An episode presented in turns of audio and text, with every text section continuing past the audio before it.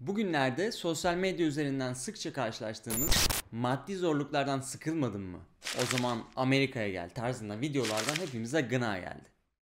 Eğer sen de aynı şeyi hissediyorsan bu video tam sana göre çünkü bu videoda Amerika hakkında daha önce çok duymadığın gerçekleri öğreneceksin. İzlemeye başladığınız bu videonun ilerleyen bölümlerinde büyük buhranı, ünlü İtalyan mafyası Al Capone'u ve Amerika'da yaşanan büyük kıtlık ve zor zamanları göreceksiniz. Amerika Birleşik Devletleri hepimiz için farklı bir şey ifade ediyor.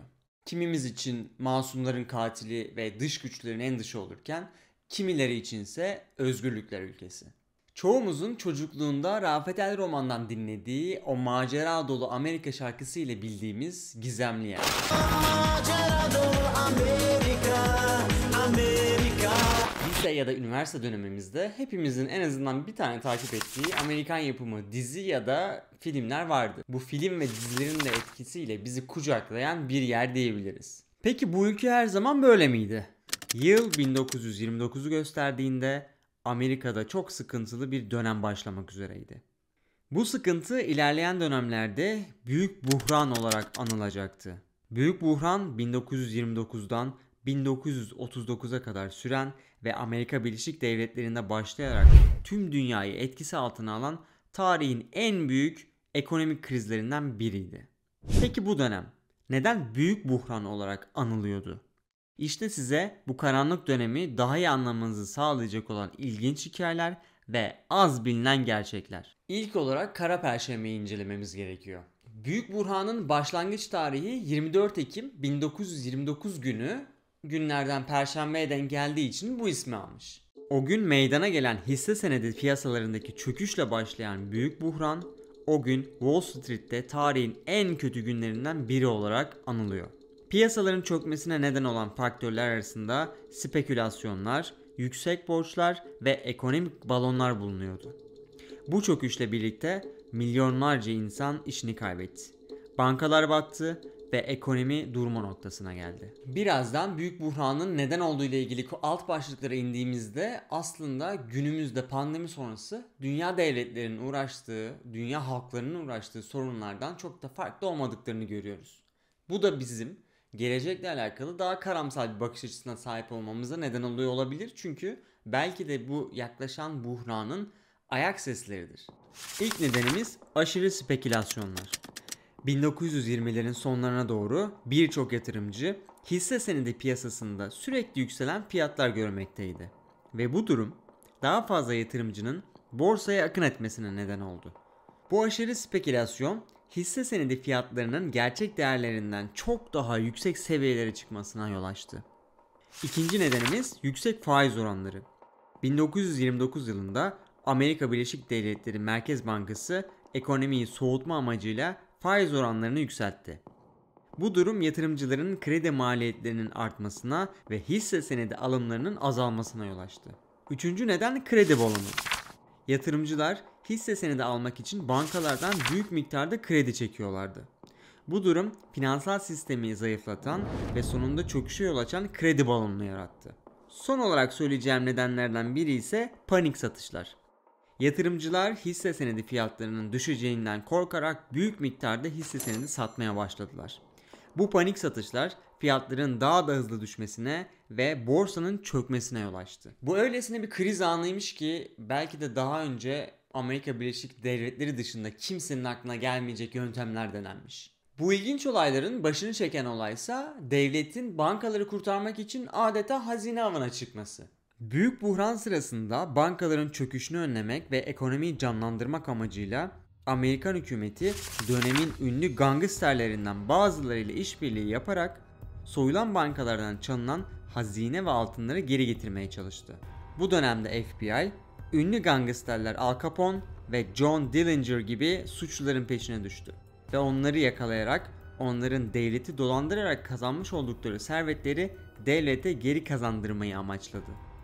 Özellikle John Dillinger halkın gözünde bir Robin Hood figürü olarak görülüyordu ve bankaların haksız kazançlarını geri alarak halka dağıttığına inanılıyordu. Bu nedenle Dillinger ve diğer suçluların peşine düşen FBI ajanları halkın gözünde de kahraman olarak görülmeye başladılar. Hükümet ve FBI geri kazandıkları servet ve altınlarla bankaların sermaye yeterliliklerini arttırmayı, halkın bankalar olan güvenini yeniden tahsis etmeyi ve gün sonunda ekonomik sorunları aşmayı hedefleyip ekonomiyi canlandırmayı amaçlamıştır. Bu dönemde banka soygunculuğu ve organize suç çetelerinin sayısında inanılmaz bir artış olmuş. Devlet bozulan bu asayişi sağlamak için gerekli olan tüm öncelikleri almaya başlamıştı. Bu ilginç hazine avı hikayesi dönemin ekonomik çöküşünün ne kadar büyük olduğunu ve hükümetin krizi aşmak için ne tür önlemler almaya çalıştığını göstermekte. Ayrıca bu dönemdeki suç örgütleri ve onların etkinlikleri de popüler kültürde önemli bir yer tutmaktadır ve pek çok film ve kitaba ilham kaynağı olmuşlardır. Yine büyük buhran dönemlerinin akıllarda kalan bir başka olay ise Hoovervilles yerleşim yerleri. Yeni şeylerin doğuşu büyük buhran sırasında işsiz ve evsiz kalan milyonlarca insan Başkan Herbert Hoover'ın da adını verdiği Hoovervilles gece kondu mahallelerinde yaşamaya başladı. Bu mahalleler geçici barınaklardan, karton kutulardan ve çadırlardan oluşan yeni şehirlerdi ve bu dönemin toplumsal ve ekonomik çöküşünün sembolü oldular. Büyük buhran döneminde Başkan Franklin ekonomiyi canlandırmak için adına yeni düzen dedikleri bir dizi reform programı başlattı. Bu programlar kamu yatırımlarını arttırmayı, sosyal güvenlik sistemini kurmayı ve bankacılık sektörünü düzenlemeyi amaçlıyordu.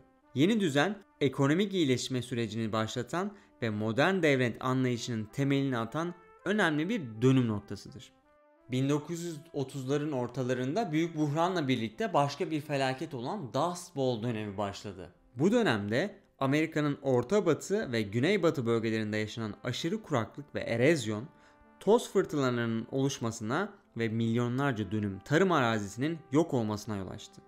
Dust Bowl milyonlarca insanın göç etmesine ve daha fazla ekonomik sıkıntıya neden oldu.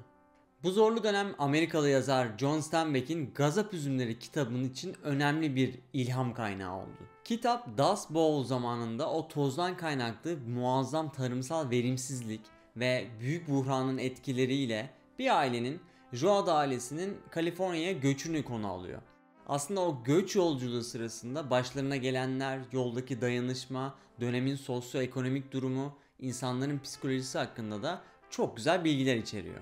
Tarımla uğraşan bir aile kıtlık ve büyük buhran ile doğup büyüdükleri yerleri terk etmek zorunda kalırlar. Kitapta bu iş ve yeni barınacakları yeri bulma yolculuğuna şahit oluyoruz. Hepimizin tarihle ilgili bildiği bir söz vardır. Tarih tekerrürden ibarettir. Belirli olaylar, özneler değişerek dünya tarihinde yine başımıza gelmektedir. 2019'da başlayan pandemi sonrası hepimiz evlerimize çekildik küresel tedarik zincirleri birer birer koparken haberlerde bizlere pandemi sonrası büyük buhran dönemlerinden çok daha büyük bir buhranın gelebileceği söylendi. Birçok devlet pandemi döneminde çalışamayan halklarına para basarak yardım etti. Bu basılan paralar bozulan tedarik zincirlerinin sonucu olarak tüm dünya ülkelerinde enflasyon rakamlarını arttırdı. Yine küresel iklim krizi ve gıda krizi sırada bekleyen krizler olarak kapımızda bekliyor gibi duruyor. Tüm bu olasılıkları göz önünde bulundurduğumuzda ilerleyen dönemlerde iklim ve gıda krizlerinden dolayı aynı gazap üzümlerindeki Joad ailesi gibi birçok insan mevcut yerleşim yerlerini terk etmek zorunda kalabilirler. Gazap üzümlerini okumak bu noktada biraz pesimist bir bakış açısı kazandırsa da gelecekle alakalı iyi bir perspektif sunuyor diyebilirim. Tamam kabul ediyorum biraz pesimist bir tablo çizdik ama gelin kapanışı daha umutlu bir şekilde birlikte yapalım. Evet iklim krizi, küresel buhran her ne kadar bize çok uzak kavramlar olmasa da bunlardan kurtulmak ya da etkilerini azaltmak için birçok şey yapabiliriz. Gazap üzümlerinde arazilerini önce kuraklık nedeniyle düşük mahsulü olan halk ardından borçları yüzünden bankaların arazilerine el koymasıyla çığırından çıkıyor. Eğer biz borçlarımızı minimumda tutarak gelecek için küçük bir ev ve biraz toprağımız olursa artık yenilenebilir enerjinin de iyi seviyeye gelmesi neticesinde kendimize yetecek kadar gıdaya ulaşabiliriz. Bir ev düşünün ahşaptan yapılmış, üzerinde güneş panelleriyle kendi enerjisini üretiyor. Yağmur suyunu depolayıp akıllı tarım ile gereksiz sulamanın önüne geçerek kendi kendine yeten bir ekosistem oluşturuyor insanlığın en büyük gelişim noktası kendi sorunlarını adresleyip onu çözebilecek araç gereçleri üretmesi. Aslında biz bu araç gereçlere de teknoloji diyoruz. Evet, başımıza kötülükler, dertler, tasalar gelmesin ama geliyorsa da onların içlerindeki kolaylıkları bulmamız gerekiyor. Belki de o zorluklar içindeki kolaylıkları keşfederken bu keşifler bizlere yeni teknoloji, yeni umutlar ve yeni güzel yarınlara vesile olacaktır. Bu bölümü burada daha umutlu bir şekilde noktalıyorum ama sizin görüşlerinizi de merak ediyorum. Yorumlar kısmında görüşlerinizi belirtmeyi unutmayın. Bir sonraki videoda görüşmek üzere.